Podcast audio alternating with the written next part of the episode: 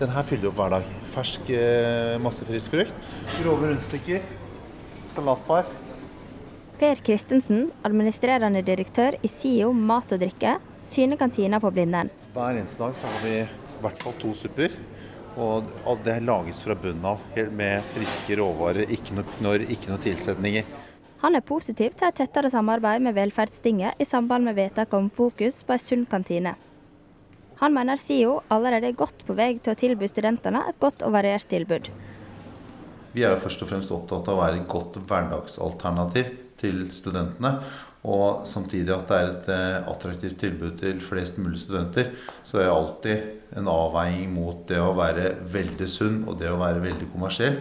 Eh, men vi prøver å strekke oss så langt det lar seg gjøre for å tilfredsstille også de som ønsker sunne alternativer. Torstein Dalen, studentleder ved Norges idrettshøgskole, gleder seg over vedtaket. Det syns jeg er kjempebra, i og med at det var vårt forslag. Jeg syns det er superfint. Vi som idrettshøyskolen vi er veldig opptatt av det her. Samtidig skal ikke vi være noen sånn her kostholds- og aktivitetsmisjonærer som påtvinger våre verdier på andre. Men i Velferdstinget så er det veldig mange fra samme bakgrunn, samme fagfelt, samme interesser som muligens, eh, som er mer mm, interessert i det samfunnsfaglige i samfunnet. Og da mener jeg at vi, som nesten eneste som har noe som helst med helse å gjøre i det her velferdstinget, at det er vår oppgave å kjempe inn det. Studentene ved idrettshøgskolen har jobba lenge med fokus på sunn kantine.